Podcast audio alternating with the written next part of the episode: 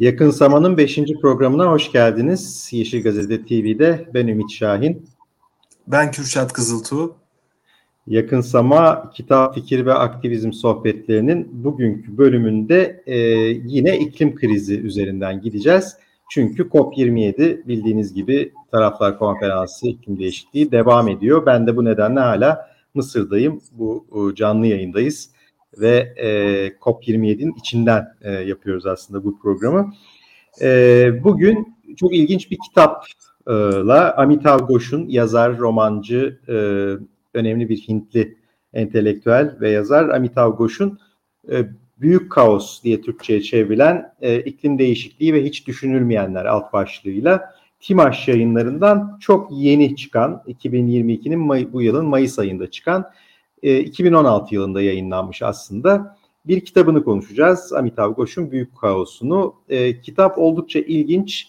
E, pek çok e, yönden e, iklim krizine değiniyor. E, orijinal başlığı da aslında büyük bozulma gibi de çevrilebilirdi ama hani kaos tercih edilmiş. E, bu kitap üzerinden söylenecek, konuşulacak çok şey var. O yüzden e, hemen başlayalım. Kürşat e, biraz e, her zamanki gibi biraz yazardan bize bahsederek başlarsan ondan sonra devam edelim. Ee, yazar Amitav Ghosh 1956 yılında Kolkata'da dünyaya gelmiş. Hindistan, Bangladeş ve Sri Lanka'da büyüyor. Eğitimini e, Delhi, Oxford ve İskenderiye Üniversitelerinde tamamlanıyor, tamamlıyor ve e, çok sayıda roman e, yazan bir yazar olarak özellikle 1990 yılında e, başlıyor eser vermeye. E, eserlerinden e, bazıları e, dünya edebiyatının çok önemli ödüllerine aday oluyor. E, ilk eseri e, Fransa'da Prix Medicis ödülüne, daha sonraki e, The Shadow Lines isimli romanı Hindistan'da Sahitya Akademi ödülüne layık görülüyor. E, 1997 yılında Kolkata e, Kromozomu adıyla e, yayınlanan roman, romanıyla Arthur C. Clarke ödülünü kazanıyor. E, ve yine e, İblis Üçlemesi'nin ilk romanı Haşhaş Denizi ile de Man Booker finalistler arasında kalıyor. E, Türkçe'ye bugüne kadar 6 romanı çevrilmiş durumda. Haşhaş Denizi, Ateş Tufanı, Dumanlı Nehir, Silah Adası, Sırça Saray ve Kalküta Kromozomu adıyla basılan e, ilk romanı. E, Büyük e, e Kaos adıyla çevrilen e, 2015 tarihli kitabından sonra da yakın dönemde 2021 yılında Nutmeg Curse adı Nutmeg's Curse adında bir kitap daha yazdı. Burada da yine e, kriz içerisindeki bir gezegen hakkında e, bir deneme ortaya koydu. E, yazar e, bu kitapta e, ortalama bir edebiyatçının e, edebi söyleminin çok çok ötesinde bir e, sosyal bilimcinin, bir felsefecinin, bir e, iklim aktivistinin e, kavrayış genişliğiyle konulara bakıyor. Şimdi kitabı tartışacağız. E, evet. Yani ben çok kısa bir kitabın genel temasından bahsedip sözü yine sana vereyim. Ee, yani ben Büyük Kaos'un e, önemli bir tartışma e, başlattığını düşünüyorum. Aslında bu tabii uzun yıllardır iklim politikalarıyla ilgilenenlerin üzerinde durduğu bir şey ama genellikle bu kitapta biraz daha bakılmayan e, şey. Yani bizim en çok konuştuğumuz şey nedir? Neden harekete geçilmiyor sorusu. Neden işte hükümetlerin harekete geçmemesinin, bunun politik nedenleri vesaire. Kitapta bunlara dair bir bölüm de var. Özellikle son bölüm, e, politika başlıklı bölüm. E, bunlardan bahsediyor ve ilginç önermeler de var. Ondan bahsedeceğiz bugün de.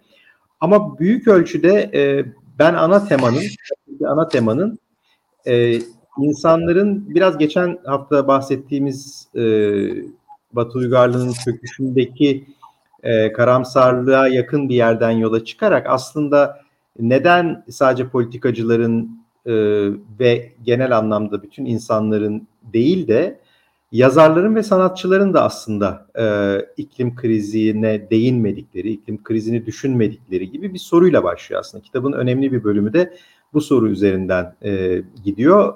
Bu benim de mesela e, uzun yıllardır e, kafamı takmış olduğum bir şeydir. Yani Türkiye'de e, bütün konularda e, tarih, politika, felsefe, e, edebiyat konularında falan müthiş birikimli, inanılmaz bir entelektüel camia var. İşte entelejansiye diyelim genel anlamıyla. Bir entelejansiye var. Fakat bu entelejansiye içinden özellikle bunların işte 68 kuşağı ve sonrası e, 60'larda, 70'lerde, 80'lerde e, ciddi bir entelektüel birikim oluşturan işte iletişim yayınları, Metis vesaire hani yayın evlerini, birikim dergisini vesaire de düşünürseniz yani çok ciddi bir tek tek saymak mümkün değil. Çok ciddi bir birikim oluşturan bir şey var. Fakat bu e, akademisyenler de var aralarında çok sayıda yazarlar var falan ama bu kesimin e, işte kapitalizmle e, dünyanın genel anlamda krizleriyle vesaireleriyle ilgili ilgili e, olmalarının binde biri kadar bile iklim kriziyle ilgilenmediklerini, e, Türkiye'deki edebiyatçıların da dahil olmak üzere e, nedense Türkiye entelejansiyasının çok nadir birkaç kişi dışında e, bu konuya bütünüyle ilgisiz olduğunu ben uzun yıllardır gözlemlerim ve sürekli bir soruyu sorarım nasıl olur diye. Amitav Ghosh buna çok güzel cevaplar vermiş. O yüzden de bu kitap e, bu tartışmaya değinmesi açısından da çok değerli. Belki biraz e, buradan başlamak e, iyi olur Kürşat. Ben direkt sana sözü bırakayım.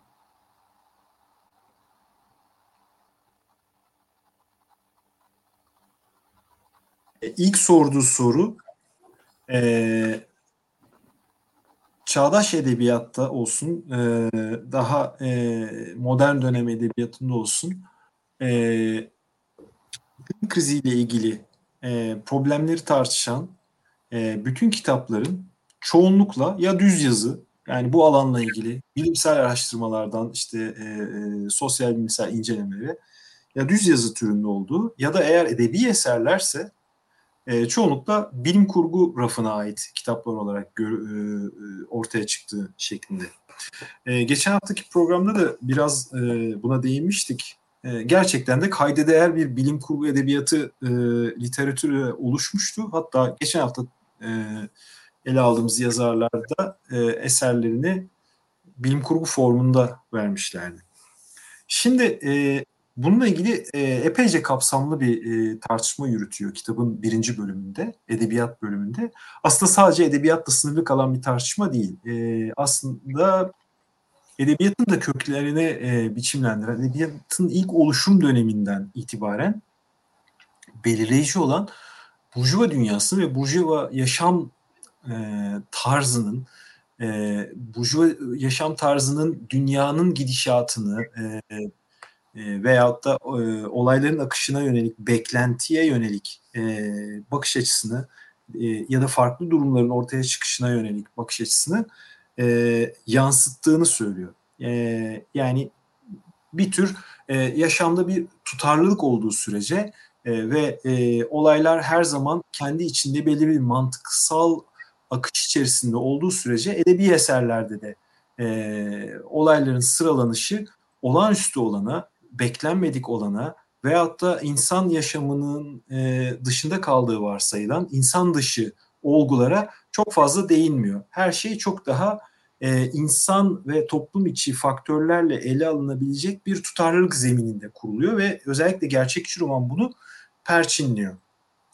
E, bu e, problemlerin e, e, yani iklim değişikliği de dahil olmak üzere e, farklı zeminden gelişen küresel problemlerin e, edebiyatta ele alınışı e, bir anlamda e, ciddi anlatı geleneğiyle e, ciddi anlatı geleneğinin dışına sürülmüş olan ve bir tür e, aslında e, çağdaş yazarların biraz da küçümsemeyle karşıladıkları e, bilim kurgu, fantazi edebiyatı ve benzeri e, alt türler içerisinde ele alınıyor.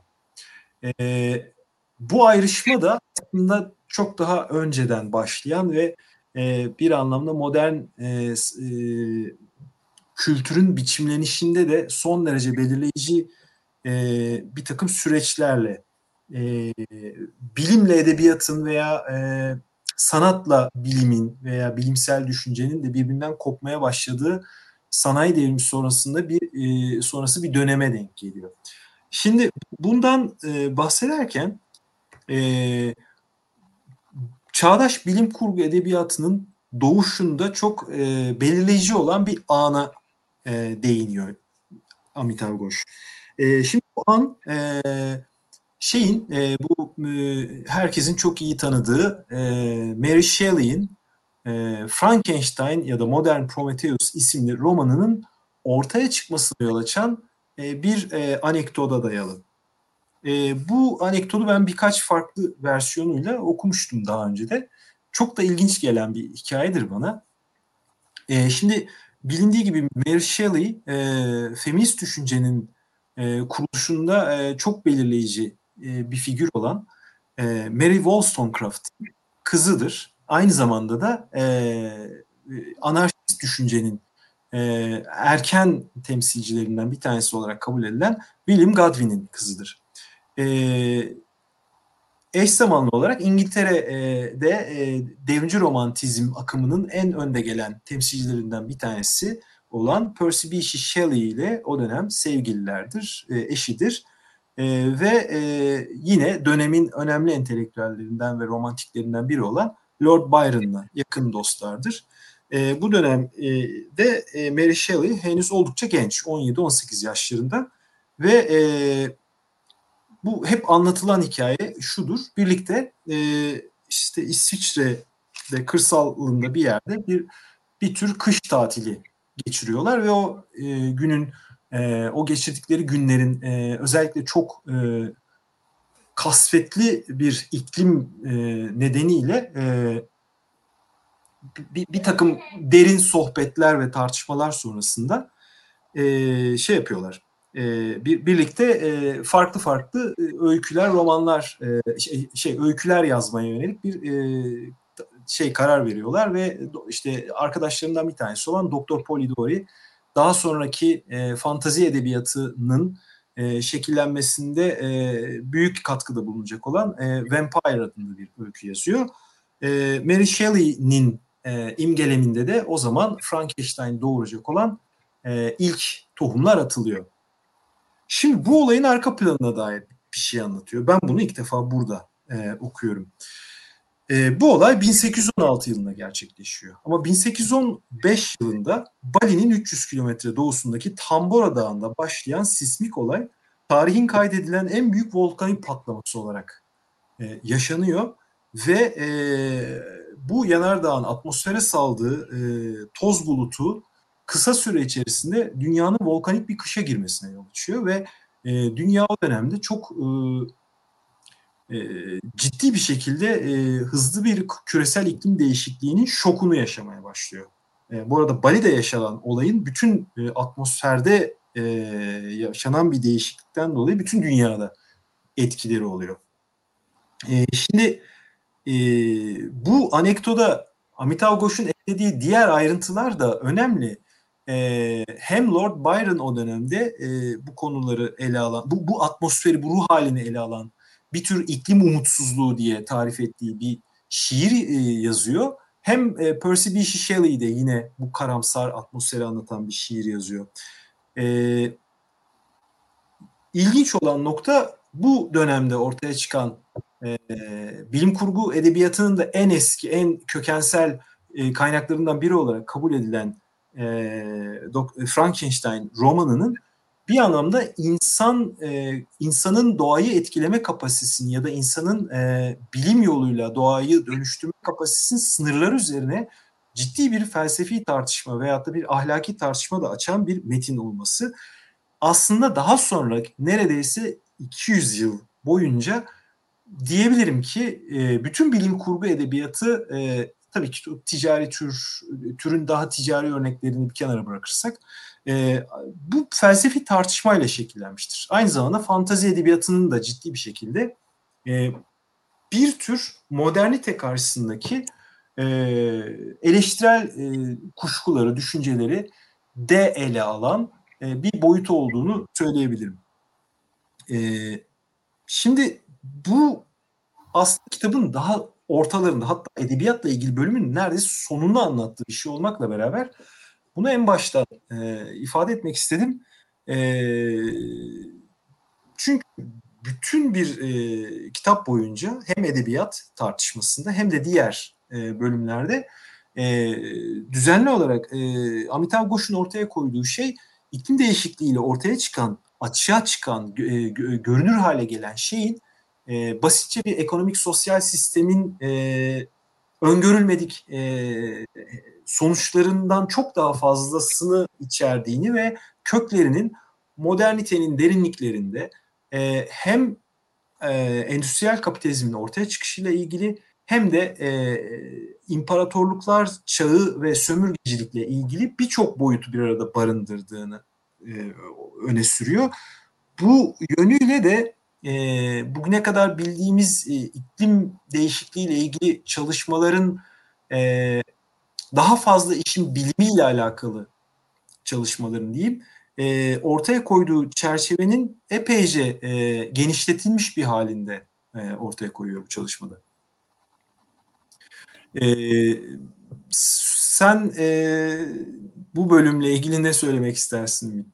Evet, yani mesela e, bu, bu konuda yazılan romanların otomatikman bilim kurgu rafına sürgün edildiği cümlesi mesela çok ilginç geldi bana. Biz yıllar önce Ömer Madra ile beraber e, ilk bir kitap yazmıştık. Yani benim Ömer Madra ile yaptığım söyleşilerden e, yola çıkarak oluşturduğumuz bir kitaptı. E, niçin daha fazla bekleyemeyiz diye küresel ısınma ve iklim krizi başlıklı bir kitap. 2007 e, yayınlanma tarihi olması lazım. O kitap e, mesela aslında politikaya dair bir kitaptı. Yani iklim politikalarına dair bir kitaptı. Büyük ölçüde uluslararası ilişkilerden, işte kapitalizm, endüstriyalizm tartışmalarından falan oluşuyordu. Fakat kitap kitapçılarda aradığınızda sadece bilim rafında bulabiliyordunuz. Yani o kitap evet bir e, şey kitabı değil, kur, kurgu kitabı değil elbette, edebiyat e, eseri değil ama bilim eseri de değil aslında. Yani içinde bilimden bahsediliyor kuşkusuz ama bir popüler bilim eseri değil ama bir siyaset eseri olmasına rağmen siyasetle ilgili bir kitap olmasına rağmen bilim rafındaydı. Aynı işte içinde iklimden azıcık bahsedilen kitapların bilim kurguya sürgün edilmesi dediği şey aslında e, tabii bu bilim kurgunun da bir değersiz bir alt tür olarak görünmesiyle de bağlantılı. E, Amitav Ghosh'un burada söylediği birkaç şey benim ilgimi çekti. E, bu ilgilenmeme durumunun yani aslında sanatçıların, yazarların modernitenin temelindeki ilerlemeciliğin öncüsü oldukları. Yani bir avantgardlık var ama bu avantgardlık e, olan biten krizi herkesten önce görmelerinden kaynaklanmıyor. Tam tersine bu insan özgürlüğü işte aslında endüstriyalizmin simgelediği işte kitabın bir yerinde diyor ya biz bu e, iklim çağı, iklim değişikliği çağında bile diyor nasıl bu metal, krom araçları bu kadar e, işte otomobilleri vesaire bir özgürlük simgesi olarak görüyoruz. Çünkü bunlar hani alıp başını gitmeyi, özgürlüğü falan simgeliyor. Sanatçılar, yazarlar da bu bireyselleşmeyi tam da işte Orhan Pamuk da hep romanla ilgili yazdığı yazılarda falan yazar ya roman bireyselleşmeyle başlar. Yani bu bireysel özgürlük e, şeyini çok fazla büyütmeleri aslında kolektifi, toplumu geri plana atıp bireysel işte John Updike'ın e, şeyinden de bahsediyor işte bireysel insanın nesiydi ahlaki serüveni mi roman öyle bir şey demiş John Updike. Yani neden sadece e, bireysel insanın ahlaki serüveni olsun? Yani neden ille bu kadar içsel bir yolculukla ilgili olsun roman? E, ama diyor hiçbirimiz yani bu, bu bir olasılıkların düşük olasılıklı gibi görünen bir felaketin roman kahramanının başına gelmesinin e, çok da e, romancıların hoşuna gitmemesiyle ilgili falan da olabilir e, bir tarafıyla ama bir yandan da aslında sanatçıların, edebiyatçıların temel e, inançlarına aykırı olmasıyla alakalı e, olduğunu aslında söylüyor bence. Ben bu kısmını e, çok önemli buluyorum. E, benim çevremde görebildiğim kadarıyla, izleyebildiğim kadarıyla hepimizin okuduğu çok önemli yazarlar, e, romancılar falan aslında e, her şeyin çok farkında oldukları halde Hamit Algoş'un da söylediği gibi iklim krizi konusunda bilgilerin eksik olduğuna dair hiçbir şey söylenemez diyor. Her şeyi çok iyi biliyorlar, dünyanın nasıl krizde olduğunu da biliyorlar ama bu ilerlemecilik, bu modernitenin e, ve bu yaşam biçiminin ve bu e, gelecekte daha güzel günler göreceğiz ya hani bilim ve teknoloji ilerledikçe güzel günler göreceğiz çocuklar falan. Motorları bir de bakın motorları maviliklere sürüyoruz yani. Yürüyerek de gitmiyoruz o maviliklere ya da bisikletle de gitmiyoruz. Böyle bir inancın hala çok e, canlı olduğu bu anlamda da aslında yani bir öncülük varsa tam bir öncülüğün burada olduğunu falan anlatıyor. Bu açıdan bence e, tam Türkiye'deki durumu da bütün Batı ile birlikte tarif ettiğini e, düşünüyorum. Ben bir de tabii bu modern dünyanın değişmez olduğu fikriyle de ilgisi var. E, yine Goş, Amitabh Ghosh'un söylediği gibi. Yani bu e, jeolojideki uniformity yani tek biçimcilik anlayışından bahsediyor. Bu da toplumda çok yaygındır. Yani entelejansiye içinde değil e, sadece, bütün toplumda yaygındır. Yani insanın e, dünyaya, yeryüzüne etki edemeyecek kadar küçük bir e, etken olabileceği. Yani yeryüzü o kadar değişmez, o kadar sabit, çağlar boyunca e, giden bir şeydir ki. Çünkü insanın kendi zamanı, bunu yeryüzünün zamanını konuşurken de söylemiştik. İnsanın kendi zamanı o kadar kısa ki yeryüzünün yanında. Biz o değişimi tabii gözlerimizle göremediğimiz için sabit olduğunu düşünüyoruz ve o etkileyemememiz düşüncesi ve bu tür olayların aslında pek de olasılık dahilinde olmadığı yani iklim değişikliği nedeniyle yüz binlerce insan işte Pakistan'da 33 milyon insanın evlerinin sular altında kaldığı bir şeyin pek olası olmadığı düşüncesi herkese içine işlemiş durumda. Ee, aslında kitabın başlığında bir yanlış çeviri daha var unthinkable, the unthinkable diyor e, orijinalinde. Yani e, düşünülemez olan aslında. Yani iklim değişikliği ve düşünülemez olan bunu hiç düşünülmeyenler diye çevirmişler. Yanlış tabii bu çeviri. Yani düşünülemez olan iklimin değişmesi. Bu düşünülemez olanın nasıl başımıza geldiğine dair önemli bir tartışma olduğunu düşünüyorum. Ben izninle bir de e, direkt buradan politika bölümüne atlayayım. E, politika bölümü yani üçüncü bölümdeki tartışmaların bir kısmının da yine çok kritik olduğunu düşünüyorum. Atlaya atlaya birkaç noktaya değineceğim. Bir tanesi genelde zaten kitap boyunca Asya'dan işte Hindistan, e, Bangladeş vesaire o, o coğrafyanın e, tarihi, edebiyatı vesairesi üzerinden gidiyor olması da ilginç. Yani bizim e, daha çok batı merkezci kaynaklardan beslendiğimiz için hani Amitabh Ghosh'un bu anlamda da katkısı önemli. Ee, ondan belki sen de bahsedersin. Burada e, Asyalı entelektüellerin ve elitin büyük daha çok yani hem düşünsel hem politik anlamdaki elitin de ve yani toplumsal anlamdaki elitin de aslında nasıl bir saplantılı modernite e, tutkusu içinde olduğunu, Nehru'nun barajlara ve fabrikalara olan tutkusu, Mao Zedong'un doğayla savaşı falan bunlardan bahsediyor. Hemen aklıma tabii bizim barajlar kralı geldi Demirel. Yani Türkiye'de bu e, hani o zamanki deyimle 3. dünyadan çok ayrı bir zihniyet dünyasına sahip olmadığı anlaşılıyor. Bunlardan e, bahsettiği e, bölüm bence önemli. E, sonra bence daha da ilginç olan e, şu anki mevcut durumda özellikle sosyal medyanın falan da etkisiyle insanların e, yani herkesin birer aktivist haline geldiği, sosyal sorunların çok fazla konuşulduğu e, falan söyle, konuşulduğunu söylüyor. Hepimizin bildiği. Fakat diyor bütün bu gayet toplumun okumuş yazmış kesimi, e, internette aktif bir şekilde yer alan, aktivist olan insanlar da diyor daha çok politik faaliyetlerinin nedense kimlik sorunlarıyla ilgili konulara, din, kast, etnik köken, dil ve cinsiyet hakları gibi mevzulara daha çok odaklamaya başladılar diyor. Ee, ve bu da aslında diyor siyasetin doğası ile ilgili bir değişime işaret ediyor.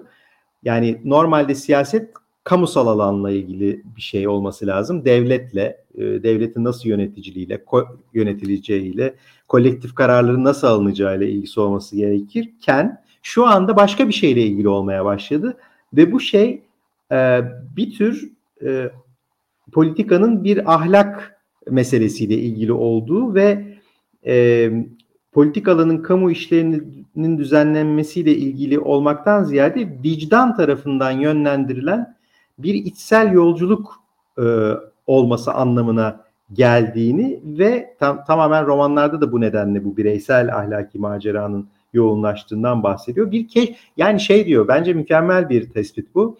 Siyaset bir kendini keşfetme yolculuğu haline geldi diyor. Ben Yeşil Hareket'in e, uzun yıllardır içindeyim. Y- yıllar önce, yani bundan 10-15 sene önce bizim Yeşillerin falan daha akt, en aktif olduğu, olmaya başladığı yıllarda harekete yeni katılan, benden daha genç kuşaktan arkadaşlar da bunu görüyordum. Yani siyaseti bir kendini keşfetme e, yolculuğu olarak şey yapıyoruz ve bunu anlayamıyordum açıkçası. Yani hala da çok iyi anlayabildiğimi söyleyemem. Yani dünyayı değiştirmek, politikaya etki etmek, siyaset yapmak yerine kendini değiştirmek, kendini keşfetmekle ilgili bir şey haline geldiğini çok görmüştüm. Yani yani siyasetle uğraşan bir insanın ya da bir grup insanın daha çok bir tür kişisel gelişim kitaplarının e, şeyiyle diliyle konuşması çok alışıldık bir şey değildir hele sol siyasette.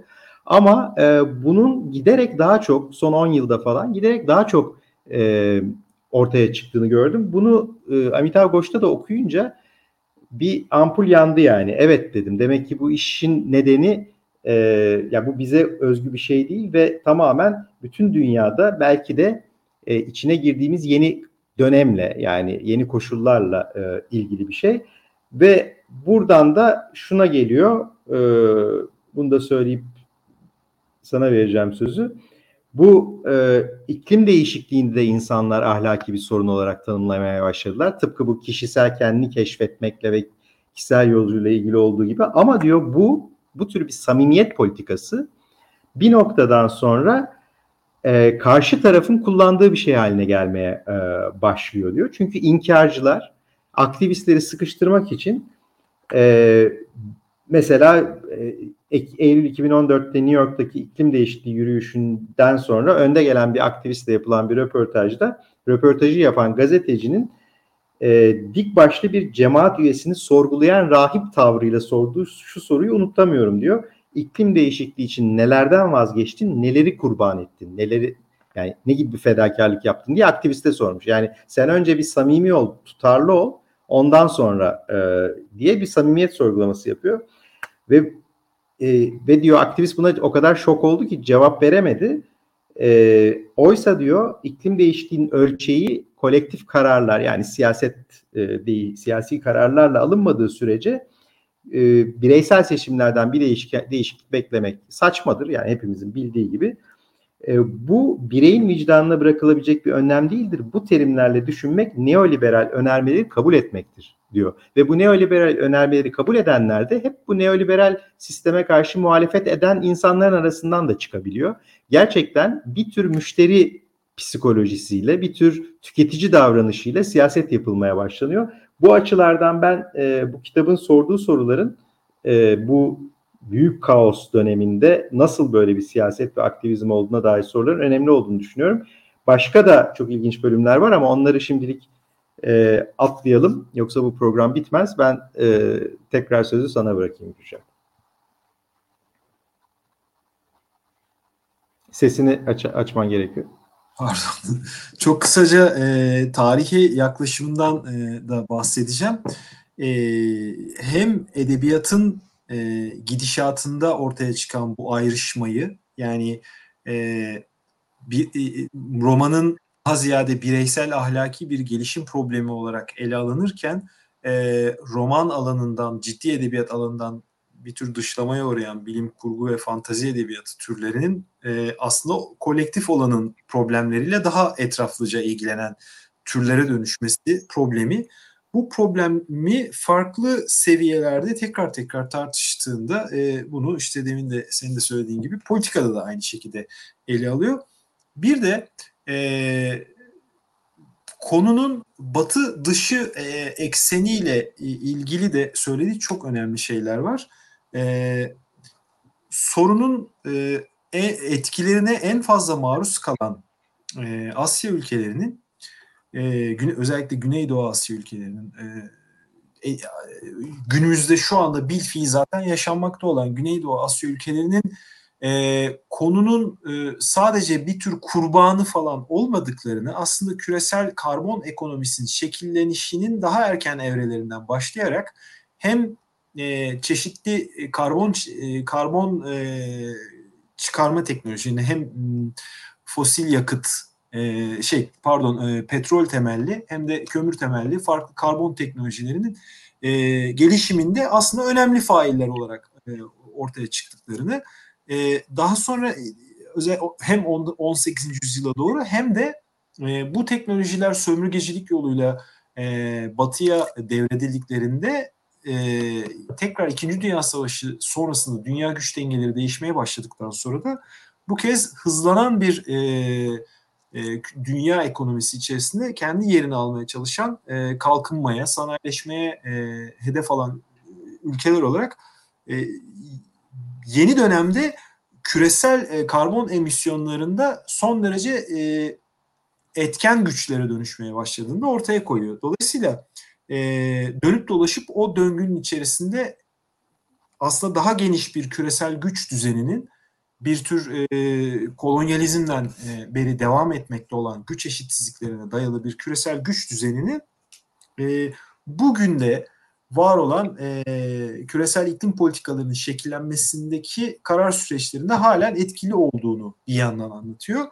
E, bir yandan da e, aslında burada bizim için e, kıymetli bir bakış açısına dair de ipuçları sunuyor. Yani e, konuyu sürekli olarak e, karbon temelli e, ekonomilerin, endüstrilerin ortaya çıkmasında e, önde gelen batılı ülkelerin kritiği eleştirisi üzerinden e, kurduğumuz zaman diğer e, coğrafyalardaki e, şeyleri aktif faillik durumunu biraz göz ardı etme eğilimimiz gelişiyor. Ben bunu mesela bizim e, Türkiye'deki daha sol muhalif çevrelerde veyahut da e, şeyde gözlemliyorum. E, bir tür şey var orada. E, yani bir sanki e, batı dışı ülkelerdeki karbon salımları için hala mazur gösterebileceğimiz bir takım e, kotalarımız varmış gibi bir bakış açısı da söz konusu. Esas olarak e, batı batıdaki e, politikalara odaklanmamız gerektiğine yönelik bir daha e, emperyalizm anlatısına dayalı bir yaklaşım var. Fakat e, ne sorunun şekillenişinin ne iklim değişikliğinin kaynaklarının değişen derecelerde de olsa tek bir merkezde e, el, merkezden e, ortaya çıkmış bir şekilde ele alınamayacağını e, ortaya koyuyor ama aynı zamanda da e, herhangi bir e, ülkenin e, ama özellikle de Asya'da geçerli olabilecek çözümlerin e, önerilmesi söz konusu olmadan e, dünyada iklim değişikliği e, problemini e, kökten bir şekilde e, çözüme kavuşturabilecek politikaların e, mümkün olamayacağını ortaya koyuyor. E, bu da bir tür e, son olarak bunu söyleyeceğim. E, bir tür hmm, çevre aktivisti ya da e, işte eko aktivistin e, batı merkezci kavranışına yönelik e, ikircikli, küçümseyici tavrı da bir daha bir daha e, göz önünde e, göz, gözden geçirmemiz gerektiren bir e, mesele oluyor. E, sorunun e, kaynağı olarak görülen ülkelerde ortaya çıkan bir aktivizm biçimi e, tabii ki sorun tek başına çözümü değil ama e, bu e, şey e, bir mesele de değil. E, bir tür batılı orta sınıfın kişisel meselesi ya da bir tür ahlaki meselesi de değil. Aslında tamamıyla küresel bir sistemin ve yine küresel olarak çözülebilecek bir meselesi olarak e, görülmek zorunda. Bu gibi tartışmaları bütün felsefi yönleriyle, bütün teorik yönleriyle tartışan bu kitaba dair daha söyleyebileceğimiz çok fazla şey var ama e, burada artık noktalayalım diyorum. Ben bir, bir iki şey daha ekleyeyim izninle. Belki birkaç dakika daha belki seni de e, buradan konuştur. Bir beş dakikada. E, söylediğin şeyden aklıma geldi. Hemen şimdi kitabı karıştırıp buldum. E, yine son bölümde. E, bu e, özellikle zenginlerin şey, zenginleri kaybedecek çok şey varken fakirlerin yok dediği bölüm ha, için evet. Sadece ülkeler arasındaki farklarla ilgili bir şey değil. Aynı zamanda bir Avrupalınınkinden daha düşük olmayan karbon ayak izine sahip gelişmekte olan dünyanın kentsel orta sınıfının iç yapısı içinde sahiptir diyor. Hiç şüphesiz ki kendi hayatlarıyla kumar oynamadık oynamadıkları inancı gelişmekte olan dünyanın siyasi elitleri için en az batıdaki muadilleri kadar önemli bir faktördür. Yani aslında e, bütün dünyanın gelişmekte olan ülkeler dahil orta sınıfları, elitlerinin de tabii eğitimli kesimlerinde dahil olduğu orta sınıflar topun ağzında olanın kendileri değil yoksullar olduğunu bildikleri için bu kadar rahat davranıyorlar diyor. Yani buna tam olarak bunun böyle olmadığına dair örnekler özellikle bu iklim görüşmelerinde sık sık karşımıza çıkıyor. Ama bütün ülkeler için geçerli değil bu. Daha küçük, daha en kırılgan ülkeler için e, mesela işte Barbados vesaire ada ülkeleri için falan daha fazla geçerli ama Amitabh Ghosh'un kastettiği daha çok Çin, Hindistan, e, Bangladeş, Pakistan gibi ülkeler. Yani çok büyük nüfusa sahip ve kendi içlerinde de aslında milyonlarca orta sınıfı barındıran. Çünkü ülkenin nüfusu 1 milyar 350 milyon Hindistan'ın. Düşünün Hindistan'daki zenginlerin sayısı e, ve iyi ne bileyim orta sınıfların sayısı herhalde e, Avrupa'nın yarısını falan bulur bilmiyorum şimdi e, rakamları ama dolayısıyla buradaki bu sınıfsal e, ayrımı çok net bir şekilde koyması ve Paris Anlaşması'na yönelik yaptığı e, buradan yola çıkarak yaptığı eleştiriler de çok ilginç. O konuya girmeyeceğim. O bayağı uza, uzar çünkü o zaman. Çünkü Paris Anlaşması'na yönelik yaptığı eleştiri ve bunu Laudato Si ile yani Papa'nın e, Tamimi ile karşılaştırması kısmı son derece ilginç aslında. Onu belki başka zaman e, konuşuruz diyeyim ama buradan topu sana atayım belki son sözlerin için. Hani bu moral e, mücadele ya da işte ahlaki bir mücadele ve aktivizmle bir de en sonda biliyorsun e, hani dini grupların da işin içine girmesinin ne kadar önemli olduğunu falan da bahsediyor. Bu kısımla ilgili senin de yorumlarını alıp istersen e, kapatalım ya. E, ben aslında özellikle seninle daha önce de konuştuğumuz e, bir noktayı e, hatırladım şimdi sen konuşurken. O da şu, e, dünyanın e, tüm e, ülkelerinde siyasi elitlerin e, ve aynı zamanda şirket elitlerinin, askeri elitlerin e, konunun e, e, bu konunun karşısında son derece ciddi bir şekilde neredeyse iklim aktivistlerin dilini kullanacak kadar apaçık ve gerçekçi bir şekilde sorunu gayet e, farkında oldukları, gayet kabul ettikleri ve bu sorunun doğurabileceği tüm olasılıklara karşı aslında uzun vadeli bir yaklaşıma da sahip olduklarını. Fakat bu yaklaşım şey yönünde değil hani iklim e, krizini çözme yönünde bir yaklaşım değil ama sorunun farkındalar. Yani e, bir yandan e, muazzam kaynaklar e, aktararak e, ve bir yandan da e, güvenlik aygıtlarını devreye sokarak e, hem iklim aktivistlerini durdurmaya hem de iklim konusundaki e, kamu entelektüellerini susturmaya e, çalışan e, lobiler aslında e, bizzat kendileri bu sürecin e, son derece farkındalar. E, dolayısıyla tartışma hiçbir zaman şey tartışması değil. E, bu iklim değişikliği konusunda e, herhangi bir ikircim falan yok. E, bu tartışmayı e, kitap boyunca sürdüre geldiği e, ama özellikle o tarih ve politika bölümünde iyice berraklaştırdığı bir meseleye bağlıyor. O da şu, bizzat bu statikoyu sürdürmek istiyorlar ve çünkü bu statikonun sürüyor olmasından e, çıkar sahibi olan e, küresel kapitalizmin e, seçkinleri ve sadece o küresel kapitalizmin seçkinleri değil aynı, aynı zamanda imparatorluk diyor. Hem imparatorluk ama aynı zamanda da kendi yaşam tarzını değiştirme konusunda e, radikal bir e, şey yapmak istemeyebilecek, yaşam tarzı değişikliğine gitmek istemeyecek pek çok gelişmiş ülke orta sınıf e, yurttaşının da e, aslında bu e, hem farkında olmasına rağmen yine de eyleme geçmeme konusundaki e, eğiliminin açık bununla açıklanabilir olduğunu e, çok belirgin bir şekilde ortaya koyuyor. Şimdi burası aslında konunun en çarpıcı noktalarından bir tanesi. Hani ortada bir gizem falan yok. Ortada gayet apaçık bir gerçek var ve bunu edebiyata da yine bağlıyor. Edebiyatçıların bu konuda isteksizliklerinin de yine aynen e, bu e, statiko değişikliğini e, çok da e, istemiyor olmasıyla alakalı olduğu noktasına bağlıyor. E, dolayısıyla e, hem dünyanın yoksullarının özellikle bütün bu iklim değişikliğinin yükünü taşıyacak olan ve aslında en kırılgan grupların yoksullarının bir taraftan da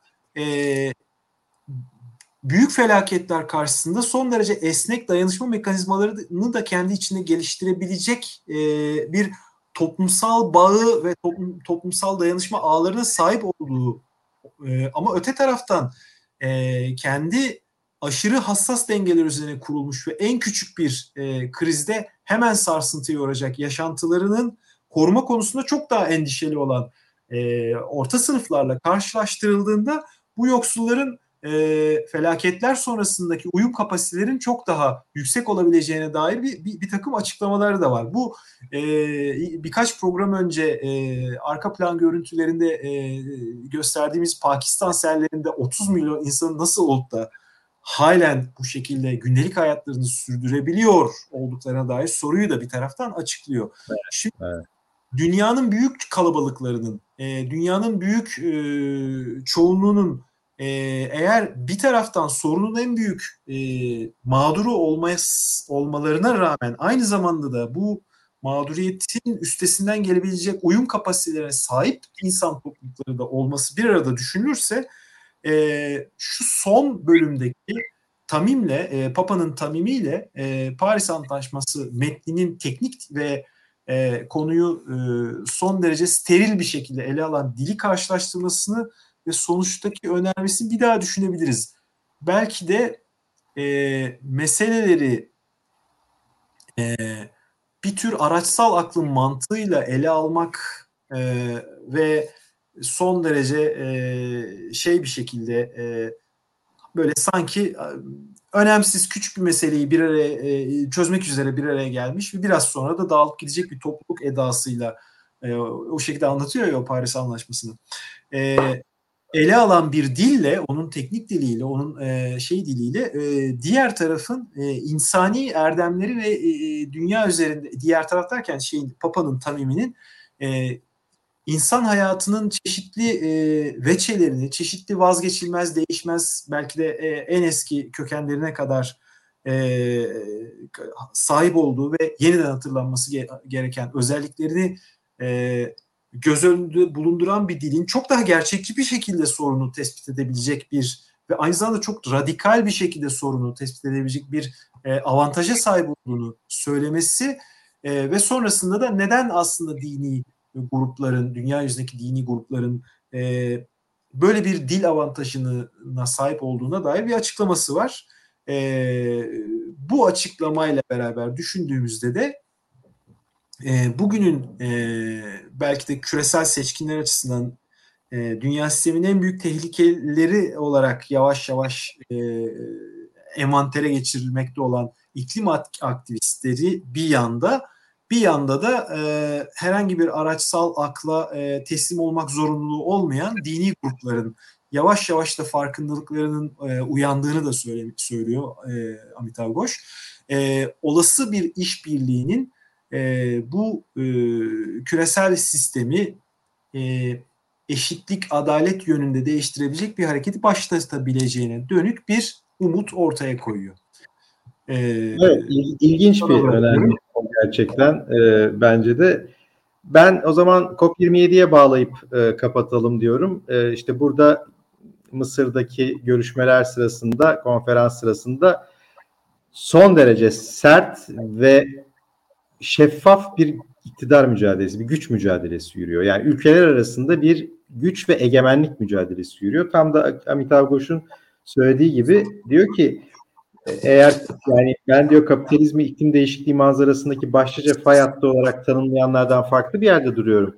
Eğer kapitalizm yarın sihirli bir şekilde dönüştürülecek bile olsa siyasi ve askeri egemenliğin zorunlulukları ya da işte bunun için yapılan mücadele, verilen mücadele e, iklim eylemini e, ilerletmenin öne, önünde bir engel olmaya devam edecektir. Çünkü tam da biraz önce senin de söylediğin gibi bu durumun, bu statükonun sürmesi bu güç mücadelesini, bu egemenlik mücadelesinin bir aracı haline getirilmiş durumda. COP27'de de bunu her şeyiyle görüyoruz. Yani şu eski ezber hani herkes sorunun farkına varırsa çözüm gelir falan o artık öyle bir şey yok. Yani herkes sorunun da farkında ve çözüm de o yüzden gelmiyor.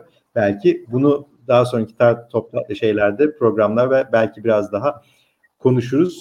Ee, diyeyim Amitav Ghosh'un Büyük Kaos e, Great Derangement kitabını konuştuk bugün. İrem Uzun Hasanoğlu'nun çevirisiyle Timaş yayınlarından Mayıs ayında bu sene yayınlandı. 2015-2016'da çıkmış bir kitaptı.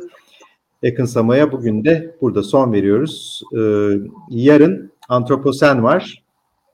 Özlem Taşdemir e, ve Sedat Gündoğdu'nun e, Ekoloji Gündemi programı Antroposen'i Yeşil Gazete TV'de izleyebilirsiniz. Gelecek hafta Yakın Sama'da tekrar görüşmek üzere. Hoşçakalın. Hoşçakalın.